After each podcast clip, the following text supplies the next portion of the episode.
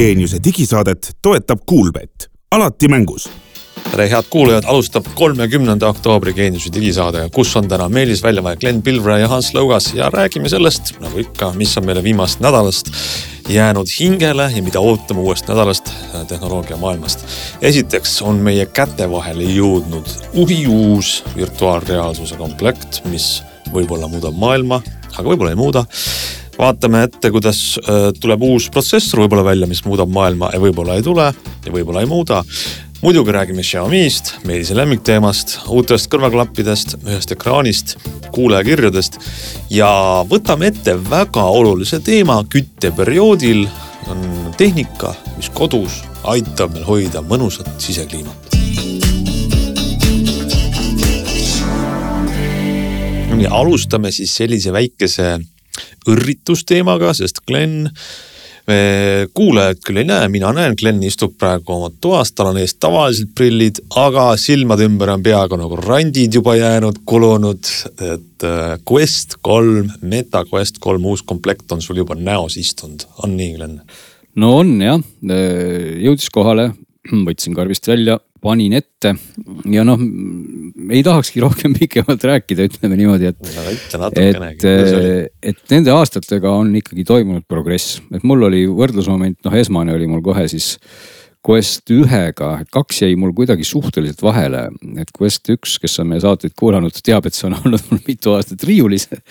ja, ja ma võtsin selle testiks lihtsalt korraks välja ja siis võrdlesin ka Quest kolmega ja no on küll, ägedam on ta kindlasti, ta on väikesem, ta on parema resolutsiooniga ja mis muidugi mulle esmamuljena on selline kõige, kõige rohkem nagu vau-efekt ongi see, kui, kui tore on just nagu see päris reaalsuse ja siis selle, selle virtuaalse reaalsuse kokkupanek, ehk siis noh, nii nimetame seda siis liitreaalsuseks, sest need kaamerad on ikkagi oluliselt parema kvaliteediga ja, ja see ümbrus, mida sa siis näed nendes prillides läbi nende kaamerate on ikka nii palju hea, et isegi sul on võimalik lausa telefoni ekraani teksti lugeda läbi selle kaamera, et noh, sa pead küll panema telefoni ikkagi no võib-olla mitte päris poole meetri, meetri kaugusel natukene lähemale. no kui see on sul selline mõnekümne sentimeetri kaugusel äh, nendest näost, prillidest, siis sa näed ikkagi lugeda, mis tähendab seda, et põhimõtteliselt on sul nagu võimalik äh, noh, ma ei tea, kas nüüd lausa seda niimoodi tööd tahaks teha aga sul on võimalik neid prille eest ära võtmata vaadata ka siis arvutiekraane.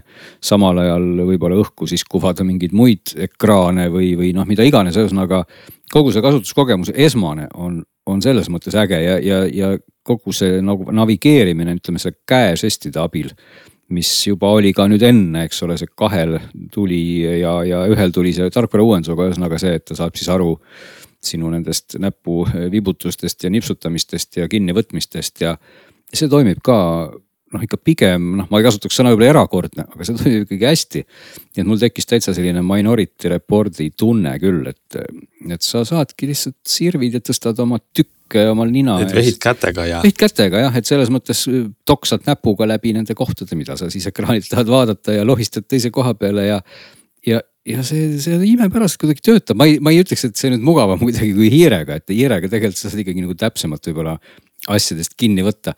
aga teistpidi selles on mingi sihuke oma sihuke äraspidine võlu küll, et, et ma ei tea, kas me tulevikus tahaksimegi kõik niimoodi kätega vehkida ja istuda kusagil või seista aga see, see täiesti töötab, et kahju lihtsalt, kui sa ainult kätega toimetad, siis sul ei ole nagu ju mingit tagasisidet, et ainus tagasiside on see, et sa kuuled sealt kuskilt võib-olla kõrvaklappidest mingisugust väikest tõnksu või, või, või mingit noh vibratsiooni lihtsalt ei ole, et, et, et. et pigem peaks siis mm -hmm. jah, mhm. võib-olla käe külge teipima mingisuguse väikse vibraatori või mingi mootori, mis annaks sulle sellise noh, nagu tunde, et ma nüüd siis ei vajutanud lihtsalt näpuga läbi õhu, vaid vaid vajutasin millelegi pihta, et, et võib-olla esimesed, esimesed muljed on jah see, et, et seal noh, ikka sisu on kõvasti. mul ei ole väga palju seda aega olnud tõsi sellega tegeleda, sest et eks ta paras ajaröövel on, on nagu igal juhul, et kui sa ikka näpu. arvata on, et kui sa seal. siis käsi läheb. kui sa seal oled nädal aega sees või kaks nädalat, siis sul on uued muljed, aga noh, see on juba suur asi, mis sa ütled, et äh, tegelikult mm, see liitreaalsus on nüüd parem, sest et eelmisel metaseadmel oli ju ka see, et sa näed oma ümbritsevat ruumi, saad suhelda inimesega, aga see kõik oli ikkagi läbi multifilmi või vanakooli filmi efekti mustvalge, hägune, kehva resolutsiooniga oli siis nagu see. no täpsustame nii palju, et, et ta tegelikult noh, ühel oli ta mustvalge Prool, mida me ju proovisime siin ka mingit aasta vist ei olnudki, aga, aga mingi aeg tagasi. eks ole, MetaQuest Pro, seal on ta ka värviline ja. ja seal on isegi rohkem pandud sellele rõhku, aga noh, me ikkagi räägime väga erineva hinnaklassi seadmetest, eks ole, et. et see konkreetne MetaQuest kolm ikkagi täna odavam versioon tuleb siis viiesaja viiekümne euroga versus, eks ole, Pro, mis on kaugelt üle tuhande. Nii et, nii et selles mõttes noh, ta ei, ta ei too võib-olla jah, tehnilises mõttes äh, nüüd midagi nagu üliuut lauale, aga selles hinnaklassis äh, kahtlemata ta seda teeb ja tegelikult nende prillide või ekraanide resolutsioon, kui ma nüüd ei eksi, peaks olema ju suurem isegi marginaalselt, et see on ikkagi senistest sellistest, sellise hinnaklassi seadmetest kõige-kõige teravam, et mis mm., mis on oluline, et ja noh, teine oluline pool on vaateväli ka, et, et ma ütleksin kaks sellist märksõna, mis selle virtuaalsus, virtuaalreaalsuse puhul ongi, ongi pigem resolutsioon ja vaateväli, et kui sul on noh, nagu ühe puhul on niisugune suhteliselt kitsas vaateväli ja kehva resolutsioon, siis ongi selline akvalangisti tunne, eks ole, kes kuskil vee all vaatab läbi mingisuguse oma pisikese illuminaatori. aga tead mis sa mainisid, need aspektid, neil on juba tegelikult suur vahe, et kui Quest Pro tuli jah eelmine aasta vist välja, umbes täpselt oktoober kaks tuhat kakskümmend kaks siis. siis ja hind oli vist kaks või kolm korda nüüd kallim kui sellel Quest kolmel, siis see resolutsioon, kui ma nüüd äh, täpselt vaatan, siis tegelikult on Quest kolmel uuemal, odavamal on kõrgema resolutsiooniga nii pilt, nii et, et see nagu progress toimib. ja toimib, toimib, nii et nii. aga, aga ärme siis võib-olla isegi takerdu siia rohkem, jätame siis ikkagi nüüd põnevust, et anda selline hinnang, kas, kas see tuleks nüüd ka riiulile seisma panna järgnevateks kuudeks ja aastasteks või mitte just, anname järgmine nädal kindlasti või, või ülejärgmine nädal suurema ülevaate.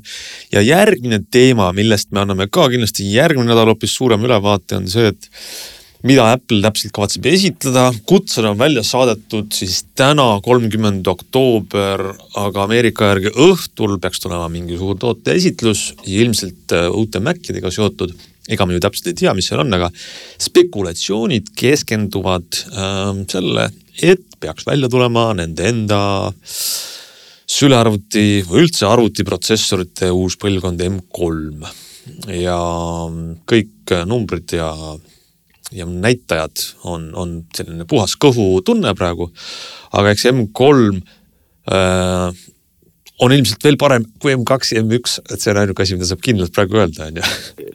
no siin võib-olla võiks ka öelda seda, et, et kui, kui noh, mingil ajal noh, ma, ma nagu tahaks, vähemalt mul on selline tunne, et, et, et need protsessorite kiirused võib-olla võib-olla tavalise inimese jaoks ja ka meie jaoks, kes ei tegele võib-olla igapäevaselt selliste ülirenderdamistega ja, ja teab mis asjadega, ei omanudki nagu võib-olla väga suurt kaalu, sest et, et noh, juba M1 oli ju väga-väga kiire ja, ja nii edasi. aga võib-olla hakkab see kõik mängimagi rolli, kui ikkagi jõuab ka seesama ai kurikuulus lõpuks nii palju siis meie lokaalsetesse seadmetesse. et, et seal kindlasti avab see sellise uue, uue ukse, miks jälle siis ilmselt on protsessorite kiirused olulised võib-olla, noh täna see ei ole veel päris kätte jõudnud, aga ikkagi on juba jõudmas, eks ole, sest et järjest enamatesse teenustesse hiilib see sisse no just, üks on ai ja jõudlus ja teine on tegelikult lõpuks sellega sama jõudlus ja kui palju kulub elektrit selle peale, ehk siis. mis su M1 ja M2 siis selle järel ikkagi põhiline väärtus on olnud, et see on sülearvuti, mis on, ajab kõik asjad ära ja sa ei pea seda laadima rohkem kui ainult öösel, päev otsa teed kõike, mis tahad. vaatame, lubame, et me kindlasti järgmine nädal mm, võtame ette ja analüüsime, mida siis Apple näitab ja kui see on M3 ja miks ta oluline on. Lähme räägime parem veel uudiseid, mis on siin äsja juhtunud. no Meelis, avame Xiaomi rubriigi. ja mina kui äh, väidetavalt Xiaomi fännboi, keda ma tegelikult ei ole, aga eelmine nädal me rääkisime sellest, et nüüd, kus äh, kellaülevaade on tehtud, siis äh, rohkem me Xiaomi'st tükk aega rääkima ei pea, sest neil ei ole midagi tulemas, aga üllatus-üllatus tuli. ja huvitav on see nagu selle poolest, et Xiaomi siis äh, tõi turule või tähendab kuulutas välja tegelikult kaks uut äh, telefoni. Xiaomi neliteist ja Xiaomi neliteist Pro ja, ja trend on millegipärast selline, et kui tavaliselt vanasti käis niimoodi, et kõik tootjad tõid oma lipulaevad turule niimoodi korra aastas või, või ütleme enam-vähem iga kaheteist kuu tagant, eks ole. ja Apple ja Google teevad seda siiamaani, siis Samsung ja nüüd ka Xiaomi on muutunud järjest, järjest kärsitumaks, ma ei tea, kas küsimus on siis selles, et see ülemaailmne nutitelefoni turg kukub ja müügid langevad, aga. aga nad ei suuda nagu seda aastat ära oodata ja nüüd ka siis Xiaomi neliteist mudelit tulid müügile noh, kümme või kuulutati välja kümme pool kuud peale siis selle, ehk siis poolteist kuud vähem kui aasta peale kolmeteistkümne mudeli äh, väljakuulutamist, ehk siis kui kolmteist tuli detsembri keskel, vahetult enne jõule, siis nüüd neliteist mudelit tulid tulid nüüd. Äh, ma arvan, et siin võib olla küsimus selles, et, et teatavasti väga suur osa, kui mitte enamus, ka see Quest vist, kui ma ei eksi, millest Glen just rääkis, kasutavad Qualcomm'i protsessoreid. ja traditsiooniliselt on Qualcomm pidanud detsembri alguses Hawaii'l oma suure konverentsi, kus nad uusi protsessoreid näitavad. seega nad ka Qualcomm tegi selle ürituse varem ja kohe siis peale seda Qualcomm'i üritust päev või kaks kuulutas Xiaomi välja uued äh, telefonid, mis on siis esimesed, mis kasutavad Snap, Snapdragon kaheksa Gen kolme. ja loomulikult äh, lisaks tavalisele võimsuse, väiksele võimsuse boost'ile on ka sellel eh, protsessoril siis põhimärksõnaks ai. ehk siis järjest veel rohkem tehisintellekti võimalusi, mida su telefon teha oskab tulevikus. ehk siis sinnapoole me jõuame, et kui me just rääkisime Macis, et võib-olla see uus võimsuse ähm, uued, uued võimsad protsessorid, mida me võime, võime näha, hakkavad ka siis tehisintellekti vedama, siis ka, ka siin Qualcomm'i protsessorites toimub sama asi ja. aga miks, miks see nagu, ma mõtlen pigem kolmteist tuli jah, juba hiljem välja, aga kolmteist T-mudelid ja T-Pro, see tulid ju septembris. kolmteist T tuli just nüüd ja tavaliselt on nagu käivad kuue-kuuse sellise tsükliga. kolmteist T tuli, eh, tegelikult on vaata ka see, et, et nad on natukene samamoodi nagu Samsung teeb seda või Google teeb, Google, Google teeb sarnaselt, et neil see A-seeria tuleb välja ka kuskil niimoodi mais-juunis ja siis järgmine tuleb oktoobris, ehk siis nagu tegelikult mitte päris kuuekuuse vahega mm. -hmm. ja Samsungil tuleb jah, nad kuuekuuse vahega, et äh, sügisel tulevad volditavad ja kuu alg-, jah, tegelikult nagu jaanuaris viimasel tulevad need äh, tavalised lipulaevad. aga D-seeriaga on see, et D-seeria on, Xiaomi'l on kolm seeriat, üks on siis see Redmi seeria, mis on nii-öelda siis soodustelefonid. ei ole isegi mitte Xiaomi nime all, siis on see D-seeria, mis on nii-öelda inglise keeles flagship killer'id või siis hea sisu suhteliselt mõistliku hinna eest. Ja need lihtsad Xiaomi nimega telefoni kolmteist või neliteist ja siis ka Prod on äh, siis need kõige-kõige, ultra on ka mm. tegelikult, see on nagu eriti kosmos, aga, aga nad on siis sellised üsna kallid, aga üsna head telefonid. ja, ja siin on samamoodi see tavaline neliteist on samamoodi nagu eelmine kolmteist suurus, nad peaaegu identsed, et see on millimeetri mäng. ja kaalud samamoodi, nad on, et see väiksem on endiselt kuue koma kolmekümne kuue tollise ekraaniga, mis on nagu suhteliselt pisike tänapäeval, eks ole, et neid väikseid telefone on üsna vähe jäänud. et see on tegelikult hea mis on muutunud, on see, et muutunud on, esiteks nad räägivad seda, et nende Äh, raam ekraani ümber on üks õhemaid, õhem kui iPhone'il isegi. poolteist millimeetrit, midagi sellist, eks näe, et tegelikult äge oleks, kui ta oleks väga õhukese raamiga, ilus näeks välja. aga äh, põhiline lisaks protsessorile on see, et äh, ekraanid on kolm tuhat nitti, mis on sama, mis Apple Watch Ultra kahel, eks ole, ehk siis nagu see võidujooks võimalikult ereda ekraani peale käib nüüd nagu täie hooga, ilmselt on leiutatud mingid uued tehnoloogiad, mis seda võimaldavad ehk siis äh, muul juhul pole seda tarvis kui see, kui sa tõesti nagu üliereda päiksevalguse käes äh, vaatad telefoni on ju. või kui elad ja, kuskil äh, päikeselises kliimas. just ja ma just, ma võin sellest ka pärast rääkida, et äh, mis puudutab ekraani erinevusi, aga, aga tegelikult millest siis veel on see, et siis nad on esimesed telefonid, millel on siis äh, Xiaomi uus äh, MIUI asemel tulev HyperOS mis põhineb Android neljateistkümnel, mis tõenäoliselt on need telefonid ka ühed esimesed Android neljateistkümnega telefonid, kui me siin varem rääkisime, et. et Xiaomi odavamad mudelid, eriti see Redmi seeria eelmine aasta tuli välja küll uuema MIUI-ga, aga endiselt nagu poolteist aastat vana Android kaheteistkümnega. siis nüüd teeb Xiaomi vastupidist, üritab nagu esimesena saada kõige uuema Androidi oma telefonidele, mis tegelikult on hea. lisaks on siis see, et alates sellest kolmteist D seeriast nad lubasid neli aastat äh, Androidi uuendusi, viis aastat turvauuendusi, et vaatame, mis nad nüüd selle uuega teevad, äkki lubavad veel rohkem, sest Google on selle seitsme aastaga otsa lahti teinud ja Samsung vist lubab ka nelja ja viit, kui mälu mind ei peta. ja noh, kõik muud andmed on nagu tüüpilised tipptasemel telefoni omad võib-olla, mida võib veel välja tuua, on see, et akud on praktiliselt sarnased, laadimised on praktiliselt sarnased. Prol on sada kakskümmend vatti juhtmega ja viiskümmend vatti juhtmevaba ja tavalisel on kuuskümmend, üheksakümmend vatti endise kuuekümne seitsme asemel juhtmega ja viiskümmend vatti juhtmevaba.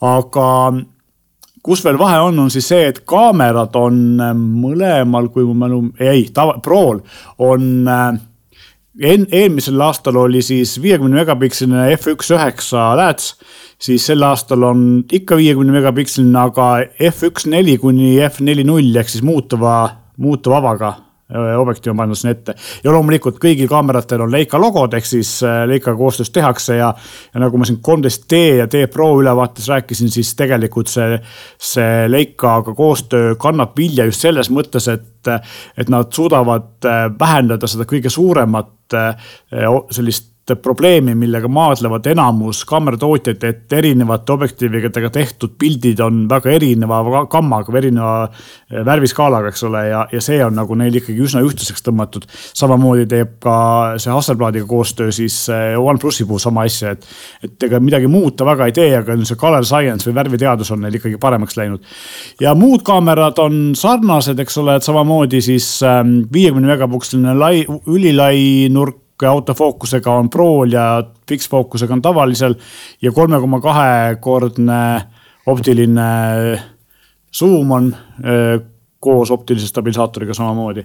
no ma arvan, et meil võib-olla siis lõpuks arvustust ei olegi vaja teha. räägime sellest siis, kui me oleme tegelikult väga saame. põhjaliku pildi ette saanud nendest telefonidest. just ja tegelikult on ka see, et noh, praegu nad on välja kuulutatud, mingi hetk nad jõuavad müügile Hiinas ja siis jupi aja pärast jõuavad müügile Euroopas, et ma arvan, et võib-olla. kas me sel aastal neid Euroopas näeme või mitte, ei oska öelda. aga vahele põrgates ma ütlen kaks asja, mis puudutab Xiaomi't veel, et eelmine nädal rääkisin kellast ja kellaga on kaks asja, et esiteks punkt üks on see, et mida kauem ma seda kasutan, seda rohkem ta mulle meeldima hakkas aga teiseks on see, et ma võtsin kõrvale Samsung Galaxy Watch kuue, mis on kaks tuhat nitti ja panin kõrvale siis selle Xiaomi kella, mis on kuussada nitti e-, ekraani eredusega. pisin nad siin meie sellise oktoobrikuise päiksevalguse kätte, üks päev paistis nere päike ja, ja tegelikult ega ma vahet ei näinud, et ilmselt see praegune oktoobrikuine päikseeredus ei ole piisavalt ere, et selle Samsungi parem ekraani vahe välja tuleks. ilmselt suvepäiksega on see vahe näha, aga, aga täiesti mõlemad olid suurepäraselt loetavad. ja kolmandaks asjaks, mida võib veel öelda negatiivse poole pealt, on see, et see odav nahkrihm, mis seal telefoni või seal kellal on, kipub juba kahe nädalase kasutamise järel vaikselt marmendama hakkama, nii et õnneks on see, et, et kuna tal on standardpesad sealt, siis väga lihtne on sinna leida äh, sobivat rihma ja asendada uuega. Äh, lähme siis edasi, ma, ma arvan, et me oleme mõneks ajaks nüüd saanud Xiaomi'lt, kes on nagu vist aru saanud, et meil on Xiaomi rubriik ja siis pommitavad iga kuu uute telefonidega, et ähm, meil on äh, kõvasti kõvasti nüüd kajastust saanud. räägime parem enne, enne veel, kui räägime veel pikematest asjadest, siis äh, Glen, kiirelt, lühidalt mis asi on Samsungi ekraan The Wall? sest ma saan aru, ma ütlen ära ka, miks kiirelt-lühidalt. ma saan aru, et see on mingi üliäge asi, aga see ei ole asi, mida me keegi endale koju osta saaksime. see on tulevik. ja, ja isegi võib-olla noh, isegi tänase seisuga see on natuke minevik, sest seda ekraani juba, ekraani juba tegelikult Samsung näitas äh, mitu aastat tagasi, et kaks tuhat üheksateist hüüti see välja ja kaks tuhat kakskümmend jõudis see kohale. tulevik on ta siis selles mõttes, et praegu on see tehnoloogia ülikallis, mikroLED-ist me räägime siin, millest pool tehtud on, eks ole. et mikroLED on ülikallis ja ka kõik äh, nagu need tööstusega kursis olevad inimesed ütlevad, et see peaks olema see tehnoloogia, mis asendab siis nii tavalise LCD või LED-i ja ka Oledi kunagi, kuna ta sisaldab korraga nii Oledi tugevusi kui ka kui ka siis LCD tugevusi, eks ole, ja. ja jätkuvalt käivad jutud, et Apple, kui Samsung alustas nagu selle vooliga siis väga suurtest teleritest oma mikroledi tootmist. siis Apple püüab teha sama asja ja alustada Apple Watchist, siiamaani me ei ole ühtegi mikroled ekraaniga Apple Watchi näinud, aga äkki me mingil hetkel ikkagi näeme ja järjest. järjest rohkem tekib ka kuulujutte, et Samsung ikkagi teeb ka oma järgmise või ülejärgmise nutikella mikroled ekraaniga, aga nüüd ma lasen Glenil rääkida muljetest nojah, muljed on lihtsalt selles mõttes väga, väga konkreetsed, et noh, mina olen seda vooli küll õnneks või kahjuks ka erinevatel messidel näinud, sest Samsung, nagu ma juba mainisin, on seda näidanud siin ja seal.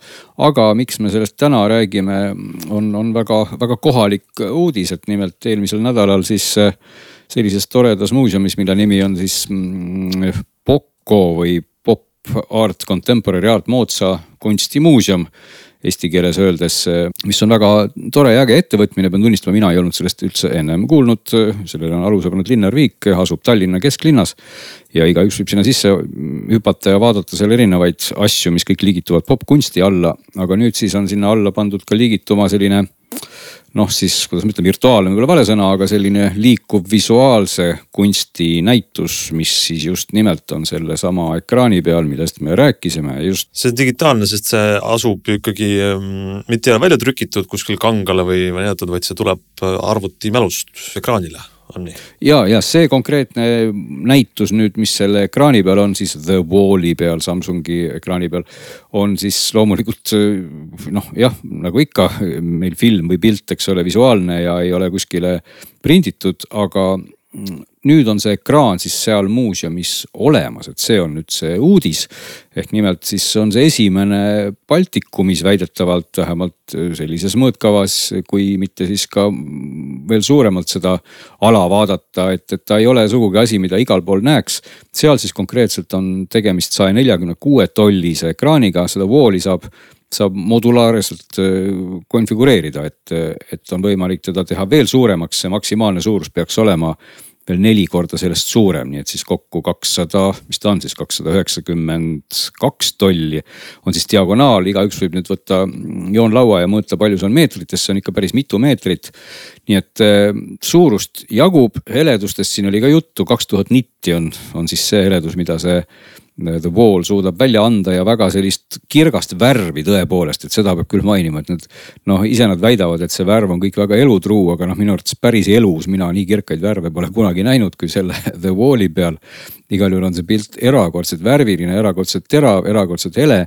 selle konkreetse ekraani resolutsioon 4K Eh, saab ka siis laduda, nagu ma ütlesin, neid eh, kõrvuti rohkem, siis ta muutub kaheksa K-ks, aga, aga resolutsiooni või ütleme piksli tiheduse mõttes siis sellele saja neljakümne kuuele tollile siiski rohkem neid piksleid ei mahu, nii et, et kui me võrdleme nagu tänaste Oled teleritega, eks siis ilmselgelt ikkagi see mikro-LED ekraan. noh, sul peab olema mingi üüratult suur kodu ja sa vaatad seda telerit siis üüratult kaugelt et, et, et kui sa vaatad tänaseid noh, teleka resolutsioone, eks ole, siis me räägime 4K-st ja ekraanid on meil seal kümnetes tollides, eks ole, et seal ikkagi ekraan on kordades suurem ja ka siis 4K, nii et ta, ta lähedalt vaadates ei ole ikkagi nii terav, ta on mõeldud siis kaugemalt vaatamiseks. aga seal ekraani peal siis nagu jah, kui me sellest sisust ka paar sõna räägime, võib-olla on kunstihuvilised inimesed, siis tegelikult iga nädal peaks seal see sisu muutuma ja see sisu kannab siis nime ma kohe loen, kus see nimi on, üks hetk, et ma siin äh, ütlen, ütlen kõik terminid õigesti. et, äh, et sisu kannab siis nime näitus unelusmasinatega. Ja tegemist on siis ai ja inimeste koostööga. Ehk ütleme, et inimesed on kasutanud oma töös kõvasti ai-d, kes on siis selle visuaalse poole sinna loonud. Ja see näeb välja üsna psühhedeeliline, vähemalt see osa mida siis äh, meie seal nägime, mm, oli sihuke kohati noh, ütleme huvitav, et igal juhul võib seda minna kindlasti vaatama, kellel on huvi, sest see on nagu dünaamiline, kogu aeg see muutub, need on tuntud nimed, tuntud kunstnikud.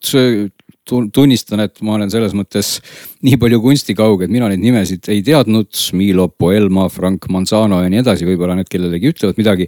nii et äh, võite seda ekraani ja seda kunsti siis minna sinna, sinna vaatama, sest et noh, mujal lihtsalt seda ekraani ei näe. Ja loomulikult on see ekraan tegelikult ostetav toode, nii et kui keegi praegu juhtumisi kuulab meie saadet ja tahab seda omale koju osta siis võimalus on tõesti olemas, et selle konkreetse hind jäi sinna väidetavalt alla kahesaja tuhande natukene on siis see 4K sada nelikümmend kuus tolli no see on see naljakas osa, ma tahan öelda. on olemas ka väiksem variant äh, siis, mida tegelikult Samsung nii-öelda kommertslikult pakub, mis minu teada ei ole modulaarne, vaid ongi nagu ühes suuruses.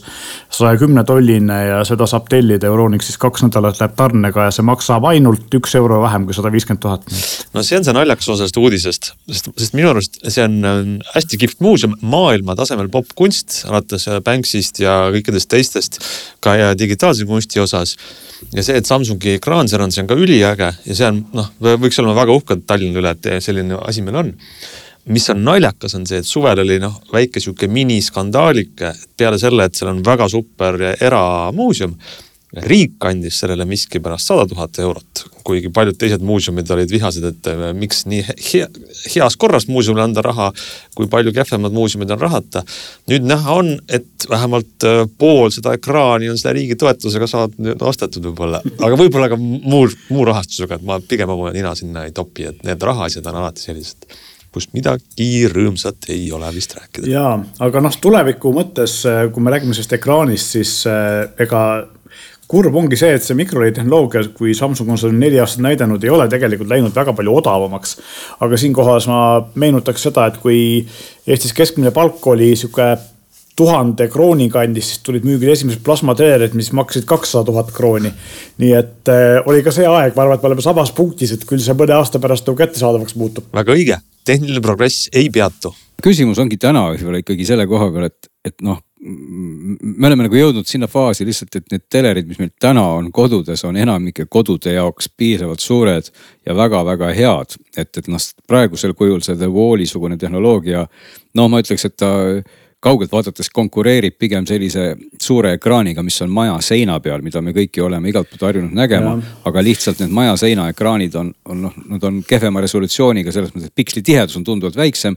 aga visuaalselt ausalt öeldes, ega nüüd ei saaks öelda, et on nüüd väga suur vahe, kui sa vaatad sellist õues olevat maja seina ekraani, kus on LED-id hõredamalt ja säravad väga eredalt versus seesama The Wall, mis on toas, mis on lihtsalt noh, mõnevõrra pikslitihedam ja kahtlemata väga ilus. et lihtsalt selleks tõesti, et see ekraan sul nüüd kodus oleks, no sul peab olema mingi erakordselt suur kodu ja sa vist pead siis seda telerit ka peaaegu et päikseprillidega vaatama, sest et noh, ta ikkagi noh, ta nagu kasutusvaldkonnana ei, ei saab, aga noh, siis tekib nagu küsimus natukene, et noh, mis sa ta siis üldse ostad, et ta, see tema noh, ütleme ekraani vastupidavus on ka muidugi erakordne, et see on võib-olla üks pool ka, kus Oledide koha pealt ikka ju natukene seda nagu räägitakse, et kui hästi ta siis nüüd vastu peab, selle koha pealt on seal öeldud sada viiskümmend tuhat tundi ja mingid kümned aastad. just, et see sissepõlemist ei ole seal, eks. vaata, tehnoloogia areneb ju niivõrd ruttu, et, et kas keegi ostab täna omale siis selle äh, Samsungi ekraani ja teab, et noh, järgmised viisteist aastat ei pea ta midagi ostma no võib-olla tõesti, see võimalus igal juhul on jah. jah, tegelikult siin on ka see aspekt, et see kaks tuhat nitti, millest just rääkisid, ei ole, oli mõni aasta tagasi nagu meeletult äge number. siis kui me praegu vaatame siin selle aasta tipptasemel telereid, vahet pole, on see Samsung või Sony või LG või, või keegi kolmas, siis tegelikult isegi Oledi Eh, eredus kipub minema sinna kahe tuhande niti kanti. LCD-l, isegi Hisense'il ja TCL-il soodsamatel tootjatel on, on ta ka kahesada, kahe tuhande niti kandis juba, nii et tippklassi telerid ju ongi sinna jõudnud, eks ole. aga nüüd selles küsimuses, kus sul seda vaja on, siis mina arvan, et, et sellist eredust vajavadki need inimesed, kes sellist telerit ostaksid, ehk siis kellel on piisavalt suur korralik maja kuskil mere ääres, kuhu päike suurest aknast otse sisse paistab. siis on sul sellist, sellist ekraani vaja küll või sellist eredust ühesõnaga ei no jah, et no teine külg, kus on seda eredust kahtlemata vaja, on nagu HDR pilt, eks ole, sest et teadupärast HDR pilt vajabki ja. nagu spetsifikatsioonide kohaselt juba, juba tunduvalt suuremat eredust kui mingid sajad nitid, nii et, nii et jah, ei, ei, ma ei saa nagu öelda, et, et kuidagi nüüd halvustada seda, et, et aga, aga, aga see piir jõuab ikkagi kätte meil kus, kus enam pole rohkem vaja varsti. just, aga noh, selles mõttes, et, et äh, mina kirjutasin aastat kolm-neli tagasi artikli sellest, kuidas mikroLED on tulevik ja. ja kui me vaatame seda, mis vahepeal juhtunud on, siis ikkagi nii Samsung kui, kui Apple kui ma või jään vastuse võlgu, aga mingid firmad veel, suured tegijad on sellesse tehnoloogiasse investeerinud miljardeid. ühel hetkel peab see raha hakkama tagasi tulema, hinnad peavad hakkama alla tulema ja see, see kättesaadavus peab hakkama tekkima, nii et see on ainult aja küsimus. nii on äh kes tahab äh, siis ikkagi ise minna uurima, minge muuseumisse, vaadake kunsti ja vaadake ka, mille pealt kunsti teile kuvatakse. aga kuulame järgmiseks äkki seda, millised on Glenni muljed pärast seda, kui tema on kuulanud äh, üht-teist äh, uutest Jabra klappidest. Mm, Glen, mis, millega on tegu Jabra Elite kümnete näol? Tegu on Jabra kõige, kõige kõigemate äh, kõrvaklappidega, klapp on vale sõna, need on siis nööbid, nupud, nööbid, ühesõnaga need pisikesed juljad, mis käivad kõrva ja kus siis ühtki juhet küljes ei ole, nagu nad ikka on karbi sees. ja ma ütleks kohe võib-olla esimesena kohe ära, et põnevust üldse mitte hoida pikalt. kas nad on üllatavalt head, et selles mõttes äh, üks põhiline kriteerium on kus ma nagu seda heli poolt olen alati hinnanud. Needsamad nööbid, mis siis kõrva tuleb pressida. Need saavad kõlada põhimõtteliselt kahte moodi, nad saavad kõlada väga hästi siis, kui sa paned nad omale väga hästi kõrva. ja nad siis saavad kõlada väga hästi siis, kui sa ei pane neid omale väga hästi kõrva.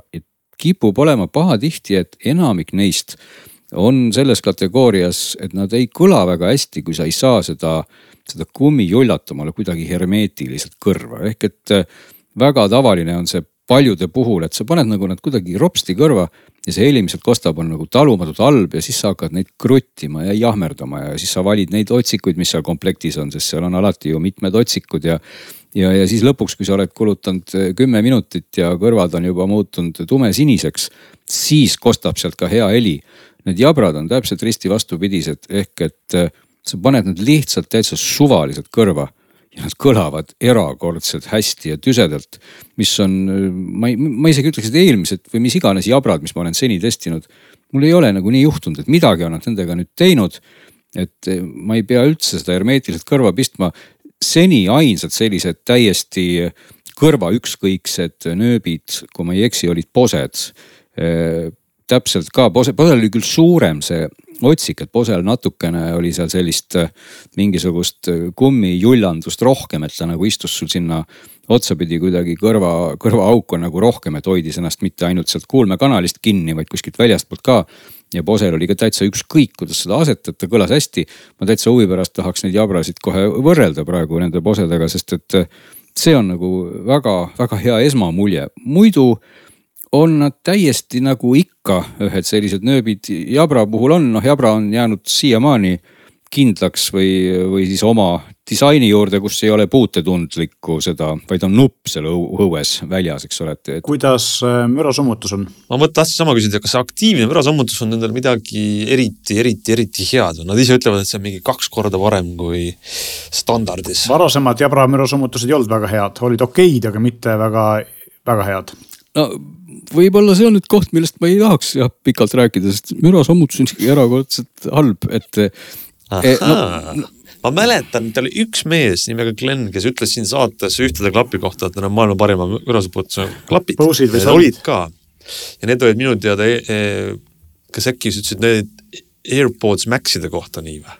Need on tõesti hea mürasummutusega. otsime selle saate arhiivist üles aga nüüd sa vaikid jabrade koha peal. ja kahtlemata nööpidest on olnud väga hea mürasummutusega needsamad äh, Bose'id, Bosed, millest äh, ma just rääkisin, need on väga head. aga võib-olla, võib-olla see probleem tegelikult, äh, miks need jabrad ei summuta hästi müra, ongi see, et puudub vajadus neid toppida omale sinna kuulmekäiku kuskile pea keskele, et tegelikult kui sa ilmselt omale nad nii kõrva ajad, et see kummijubla tõesti on ero-, see kummijublakas tõesti on hermeetiliselt eh, sinu kõrvakanalis, siis ilmselt summutavad nad ka aktiivselt seda müra paremini, aga kuna vajadus selleks puudub, siis ilmselgelt kuna sound'i lekib eh, sisse ja välja siis tõesti see mürasummutus, noh pigem on ta nagu marginaalne, ma lausa kasutaks sellist terminit, et. et ta, ta võtab midagi ära, aga noh jah, et ta nüüd midagi nagu, midagi väga-väga palju ära võtaks, küll aga mis on. noh, on see nüüd hea või halb, aga kindlasti oluline mainida et nende jabrade heli kvaliteet äh, on väga sõltuv sellest, kas aktiivrežiim on sees või ei ole, ehk et kui sa ei kasuta seda aktiivset müravõimendust või mürasummutust, noh see müravõimendus on siis nii-öelda see. mis iganes hear through on ta vist jabra keeles, et sa kuuled siis ümbritsevaid helisid.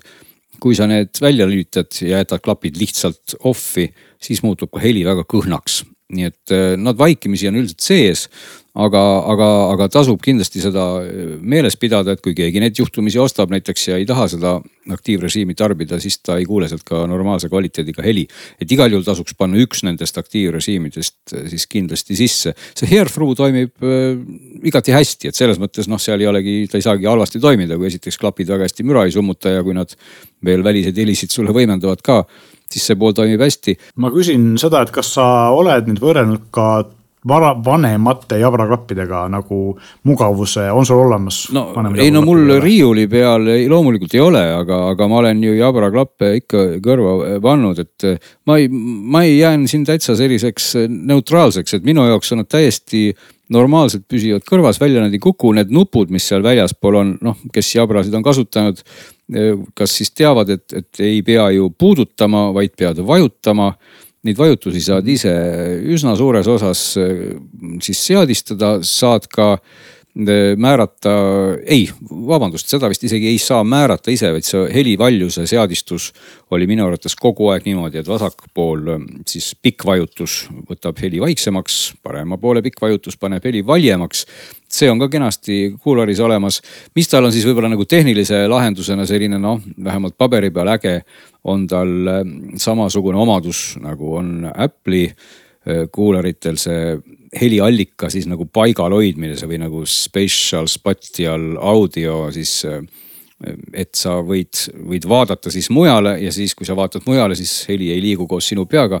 vaid heli jääb sinna, kus siis on justkui pildiallikas, et ta, ta, ta nüüd ei tea otseselt, kus on pildiallikas, aga kui sa lülitad selle sisse ja vaatad selle koha peale, kus on siis pildiallikas, siis ta jätab meelde nende asendisensorite järel või, või nende põhjal, et seal on see pildiallikas. küll aga tuleb öelda, et kui sa lülitad selle režiimi sisse, siis tegelikult helis tekib üsna sihuke nagu noh siin ma ütleks nagu natuke sihuke halvakõlaline, noh et mitte kasutada sõna rõve tekib selline vannitoa kaja.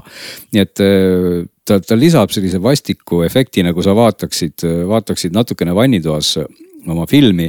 noh, mis mõnevõrra loob võib-olla mõne jaoks sellise siis kontserdielamuse, et siis sealt tekivad teatavad ruumi kajad juurde ja kui sa siis selle funktsiooni sisse lülitad, siis aktiveerub see peaasendi järgi heli keeramine, eks ole, et sa võid selle alati loomulikult välja lülitada, see mingisugune kohustus ei ole, et see, et see siis oleks sul sees, eks ole. ja mida veel võib-olla praktilise koha pealt öelda, karp on selline täpselt, mis võib-olla ajab natukene närvi neid inimesi, kes tahaksid, et karp püsiks laua peal püsti, et sa saad panna karbi lauale, teha selle lahti või, või asetada karbi lauale, võtta sealt välja need nööbid. seda sellega ei saa teha jabraga, sest karbi alumine pool on ümmargune ja püsti saab asetada siis ta täpselt tagurpidi, ehk siis see gaas on, on kandiline. kui ma õigesti mäletan, olid Sonyl vist ka ühed klapid sellises, sellises samalaadses karbis, et see alumises pooles, kus on siis laadija USB-C pistik, see on ümar. nii et sa ei saa neid klappe. juhtmevabalaadija on olemas või? Juhtmega laadimine on täiesti olemas ja juhtmega juhtmega laadimine olemas, väidetavalt noh, ma ei ole mingit stopperiga testi teinud. aku peaks siin pidama vastu umbes viis-kuus tundi, kui sa oled nüüd ANC või aktiivrežiim on sees. saad karbiga laadida seal mingid mõned korrad, nii et noh, siin nagu midagi erilist ei ole, on kerge veekindlus IP57 koodekitest on toetatud täna AAC, SBC, APTX-i pole. aga nagu ma ütlen, heli kvaliteet on, ei sõltu absoluutselt sellest koodekist, et, et kui keegi tahab, siis alati peab setting utest minna ja lülitada sisse siis AAC, mis Android telefonide puhul on reeglina osakonnas HD. nii et äh, muidu on siis vaikimisi sees see SBC lubatakse, et see uus äh, koodek kui ma ei eksi, oli selle nimi vist LC3, mis peaks vahetama selle SBC siis mingil hetkel välja, et ka selle tugi peaks tarkvara uuendusega tulema. aga veel kord, nüüd koodekitesse ma ei taha üldse ka kinni jääda, sest see heli on erakordselt äh, mõnus, tüse, särav ja kõik head sõnad ka ilma nende koodekiteta. nii et äh, kokkuvõttes väga positiivne üllatus, Jabra äpp on ka muidu väga selge ma ei leidnud sealt enam seda personaliseerimist, ma mäletan, et vanasti oli Jabral äpis ka selline kuulmise analüsaator, mis hakkas sulle mingisuguseid toonikesi kõrva piibitama ja, ja üritas sulle luua siis sinu sellise personaalse mittekuulmise põhjal siis mingeid profiile ma enam seda sealt. siiamaani ilmselt sõltub, mis klapid on, ma arvan. no vot, et igal juhul vot nende eliitkümnete all võib-olla siis tõesti oli see kuskil nii nurga taga, aga ma ei saaks öelda, et ma sellest ka puudust tunneks, seal on olemas viieribaline equalizer. hunnik veel selliseid või noh, mis hunnik, aga mingi viis-kuus sellist eelseadistatud režiimi ja mis on ka jabradel varem olnud ja siit ka ei puudu mõnikord täitsa äge, et siin on ka valik selliseid igasuguseid taustahääli, noh stiilis ookean ja rahvamüra ja, ja ventilaatorid ja mis iganes sellised taustamürad, et kui keegi tahab näiteks arvutitega tööd teha ja, ja mingi kisa teda häirib, siis võib panna omale merekohina vulisema ja, ja see ei pea siis minema seda kuskilt mujalt tõmbama, vaid see tuleb sealt äpist kohe.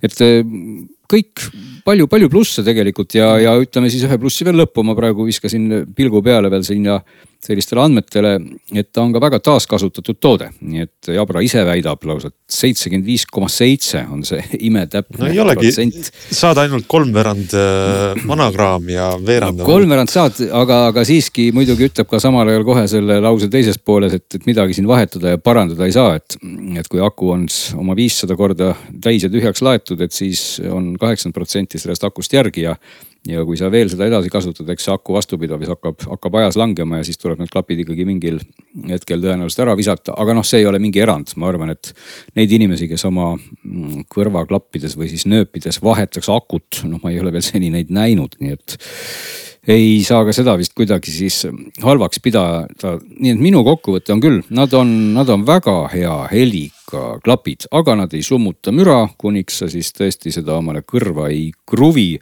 nii et äh, siin kohapeal siis peate mõtlema, kumb on oluline. kahesaja viiekümne euro eest saab osta. kännukas oli see tore asutus, kes täna need mulle pihku pistis, saab ka neid muidugi mujalt. aga selle raha eest saab, saab head sound'i. ütlen siia vahele ära, et miks ma küsisin seda, kas sa oled teistega proovinud, on see, et ma vaatan, et need äh, otsad on mitte siis ümmargused, aga ovaalsed täpselt samamoodi olid ovaalsed Jabra T85-d ja ma siiamaani, olles kasutanud erinevaid Jabra klappe ja hetkel kasutan igapäevaselt eelmise Elite seitse Prosid, siis äh, kaheksakümne viite ovaalsete otstega tegid märgatavalt paremat häält kui need äh, Elite seitse Prod, aga nad olid kõrvas kõvasti ebamugavamad, ilmselt sellepärast nad olid kuidagi suuremad ja sellised vastikumad. et ma mõtlesingi, et kumma, kumba nad meenutavad, kas nad läinud kompaktsemaks kui kaheksakümne viied või või mitte, sa ilmselt ei mäleta. seda, seda, seda mul on sulle sellise küsimusele jään ma tõesti vastuse võlgu, nad on pigem ikkagi sellised pontsakamat sorti, vähemalt oma korpuse mõttes ka, aga mm, -hmm. aga no, aga veel kord, kuna neid ei tule nagu sinna kõrva pressida, siis, siis kuidagi väga lihtne lihtne tundus see nende kandmine, pigem okay. oli võib-olla see külg, et või pool, et noh, tänastes kliima, klimaatilistes oludes paljud meist käivad juba mütsiga, siis võib-olla müts hoiab isegi mõnes mõttes rohkem kinni, kui nad jäävad sinna alla. et võib-olla on seal see. seda probleemi ei olnud, et mütsiga saisema hakkab või midagi nagu mõnedel klappidel on? ja ma ei tajunud seda otseselt, võib-olla oli mul vale müts. mäletad, sa kunagi oled seda... mingite puhul kurtnud olen, selle üle? ma olen selle üle kurtnud ja, ja, ja tõesti, ma ka praegu nagu ei meenuta, et mingit, ei meenu mulle, et mingi tuulemüha mind oleks nagu tabanud nendega, aga noh, tõsi, ma võin neid, võin neid veel mõned päevad võib-olla spetsiaalselt nühkida mütsi all. ja siis anda sellest ka väikse ülevaate, minna tuule kätte ja nüükima. viskan siia vahele kaks asja veel, et üks on see, et, et see kommentaar selle mürasummutuse kohta, et nendel Elite seitse Prodel on niimoodi, et see aktiivne mürasummutus äh, annab juurde üsna vähe, aga passiivne mürasummutus on neil ülihea, ehk siis klapid pähe panen, siis tegelikult ta juba nagu summutab paremini kui enamus teisi. kui sa saad selle korraliku siili ja see oli nendega väga lihtne saavutada. aga teine kiire uudis, mida ma tahtsin öelda, mis otseselt ühtepidi puudutab Jabrat ja teistpidi Qualcomm'i, millest me just rääkisime, on see, et Qualcomm tegi ka lisaks nendele uutele telefonikiipidele tegi ka uued klappide kiibid, mis on maailma esimene protsessor klapp, äh, siis just nagu sellistele kõrvalsisestele klappidele, mis lahendab ära selle, et, et ta töötab ka wifi'ga, ehk siis ta suudab anda high resolution heli kadudeta ilma kokku pakkimata, kui tarvis on. ja ühtlasi ka töötab Bluetoothiga, eks nüüd nüüd tulevad ilmselt järgmisel aastal hunnik äh, kõrvaklappe välja, mis, mis suudavad ka siis ühenduda üle wifi lisaks Bluetoothile. ja seal partnerite nimekirjas, kes seda tegema hakkavad, on muuhulgas nii audiotehnika, Bose, LG kui ka Jabra ja FIO, nii et ilmselt tuleb teisi veel. ehk siis selline läbimurre on toimunud ka selles maailmas et vanasti oli probleem selles, et wifi võttis lihtsalt nii palju voolu, et sa ei saanud väikestesse klappidesse panna. et see on nüüd lahendatud. ma ütlen siia lõppu veel korraks ikkagi ära, kui ma ju helist alati räägin kuidagi väga metoodiliselt, siis sedapuhku ma jäin nagu terminites üldsõnaliseks ja võib-olla keegi on nüüd pettunud. et tegelikult, miks see heli mulle vähemalt personaalselt meeldib et nad mängivad suhteliselt vähem sellist regiooni, mis asub seal kahe-kolmesaja hertsi kandis, kui keegi teab, mis seal asub. seal on selline natukene mudane, selline kõrgem bass. vot seda mängivad nad vähem, nad mängivad neid madalaid basse rohkem ja nad mängivad ka suhteliselt säravat sellist keskriba, mistõttu nii mõnedki muide hindajad, kes on neid eh, nööpe kuulanud, on justkui pidanud isegi seda nagu miinuseks, et nad, nad, nad mängivad seda seda kõrgemat bassi vähem, sest võib-olla sellised traadi mm, kes tahaks sihukest nii-öelda sellist nagu sooja heli, võib-olla siis peavadki seda justkui nagu miinuseks. nii et eks kõik on maitse asi, aga tänu sellele kostab sealt alati selline väga hea tüsebass, väga sihuke särav, kõrge ja vähem sellist mudast regiooni, mis siis väga tihti kipub seal kahe-kolmesaja hertsi kandis ennast äh, kavalalt peitma. väga hea siis ähm, ma lähen siit edasi võib-olla niimoodi, et, et kirjutage ka kuulajatele, kuidas teie äh, arvate neist, sest et kuulajakirjad on meil äh, oluline rubriik ja mitu põnevat kirja tuleb meil nädalas ja ma praegu vahendaks nüüd järgmisekski ühte kirja. meenutuseks ka teistele, kirjutage meile digisaade at geenius.ee. Alar kirjutas siis eelmisel nädalal meile pärast eelmise nädala saadet, et ähm, me rääkisime e-teenusest, kuidas saab liiklusavariid vormistada nobedalt ilma paberit määrimata. ta tegi meile kaks täiendust meie juttu. esiteks ähm, oluline täiendus avarii.ee on siis domeen, et ei pea Google'i kaudu või liikluskindlustuse fondi kaudu midagi otsima, avarii.ee on see domeen. teine asi ähm,, mida minu testi näitel siis oli olukord, kus pidi ähm,, inimesed olid kaks osapoolt samal nõul avariiluse süüdluse osas. Täitsime siis selle äh, nii-öelda e-ankeedi ära, siis Alar kirjutab, et tegelikult ei pea olema üldsegi pooled kokkuleppele jõudnud, võivad olla ka eriarvamusel, kumb on süüdi. peaasi, et äh, mõlemad täidavad selle ära ja saadavad kindlustusse ja kui inimesed pole viga saanud, siis politsei ei peagi kohale tulema, nii et isegi siis kui, kui te teise poolega, temal on isiklikud näited, Alar jagab, kuidas ta on ise seda niisiis läbi teinud, ei saanud kokkuleppele teise juhiga, aga ei tahtnudki oodata kolm tundi politseid, kuna see oli nii väikse tähtsusega väljakutse, siis tänu sellele e-teenusele sai asjad ära täitu, täita ja kindlustus tegi õiglase otsuse. ja mina tahtsin veel lisada seda, kuna eelmine kord ei olnud siin selle selle äh, vestluse juures, siis äh, need inimesed, kes äh, arvavad, et nad võivad selle ära unustada, mis see portaal oli ja teatavasti see avarii on selline suure stressiga olukord, et sa ei viitsi otsima hakata, siis kindlasti Androidi peal ja minu teada ka iPhone'i peal saab selle lehe laadida nii-öelda veebiäpina või panna endale koduekraani peale ühe klikiga avatavaks shortcut'iks või otseteeks, eks ole, et see on väga lihtne teha ja ja iseenesest teinekord on kohe kättesaadav, on sul olemas telefonis põhimõtteliselt, eks. see on ka hea mõte ja nii, aga viimaseks teemaks, Glen, mis sa arvad, kas me jõuame rääkida sellest, miks mul on silmad kipitavad toas ja üldse on kuidagi selline soe on küll, aga talvel ei ole mõnus? no sellest peakski rääkima muidugi pikemalt ja aga, aga tundub, et ilmad lähevad meil veel külmemaks ja kui me räägime sellest ka nädala pärast, siis on võib-olla isegi see teema veel ajakohasem, sest et täpselt siis peaks ka ilmuma digiajakiri kus panin ritta taaskord, võib siis öelda, kas lausa üle kolme aasta järjekordselt äh, õhuniisutid, õhupuhastid, kõik need asjad, mis siis peaks talvel meil toas õhu tegema märjemaks, puhtamaks ja, ja tervislikumaks. mina arvasin, et see on see uudis, et võetad õhuniisuti tööle ja kõik on korras ja jutt sai otsa ühe minutiga, aga novembrikuusse lükkame siis ähm, õhuniisutite teema. aitäh, et täna olite meiega. tõmbame tänase saatele joone alla ja olge siis nädala pärast tagasi, võtame ette kõik lahtised teemad.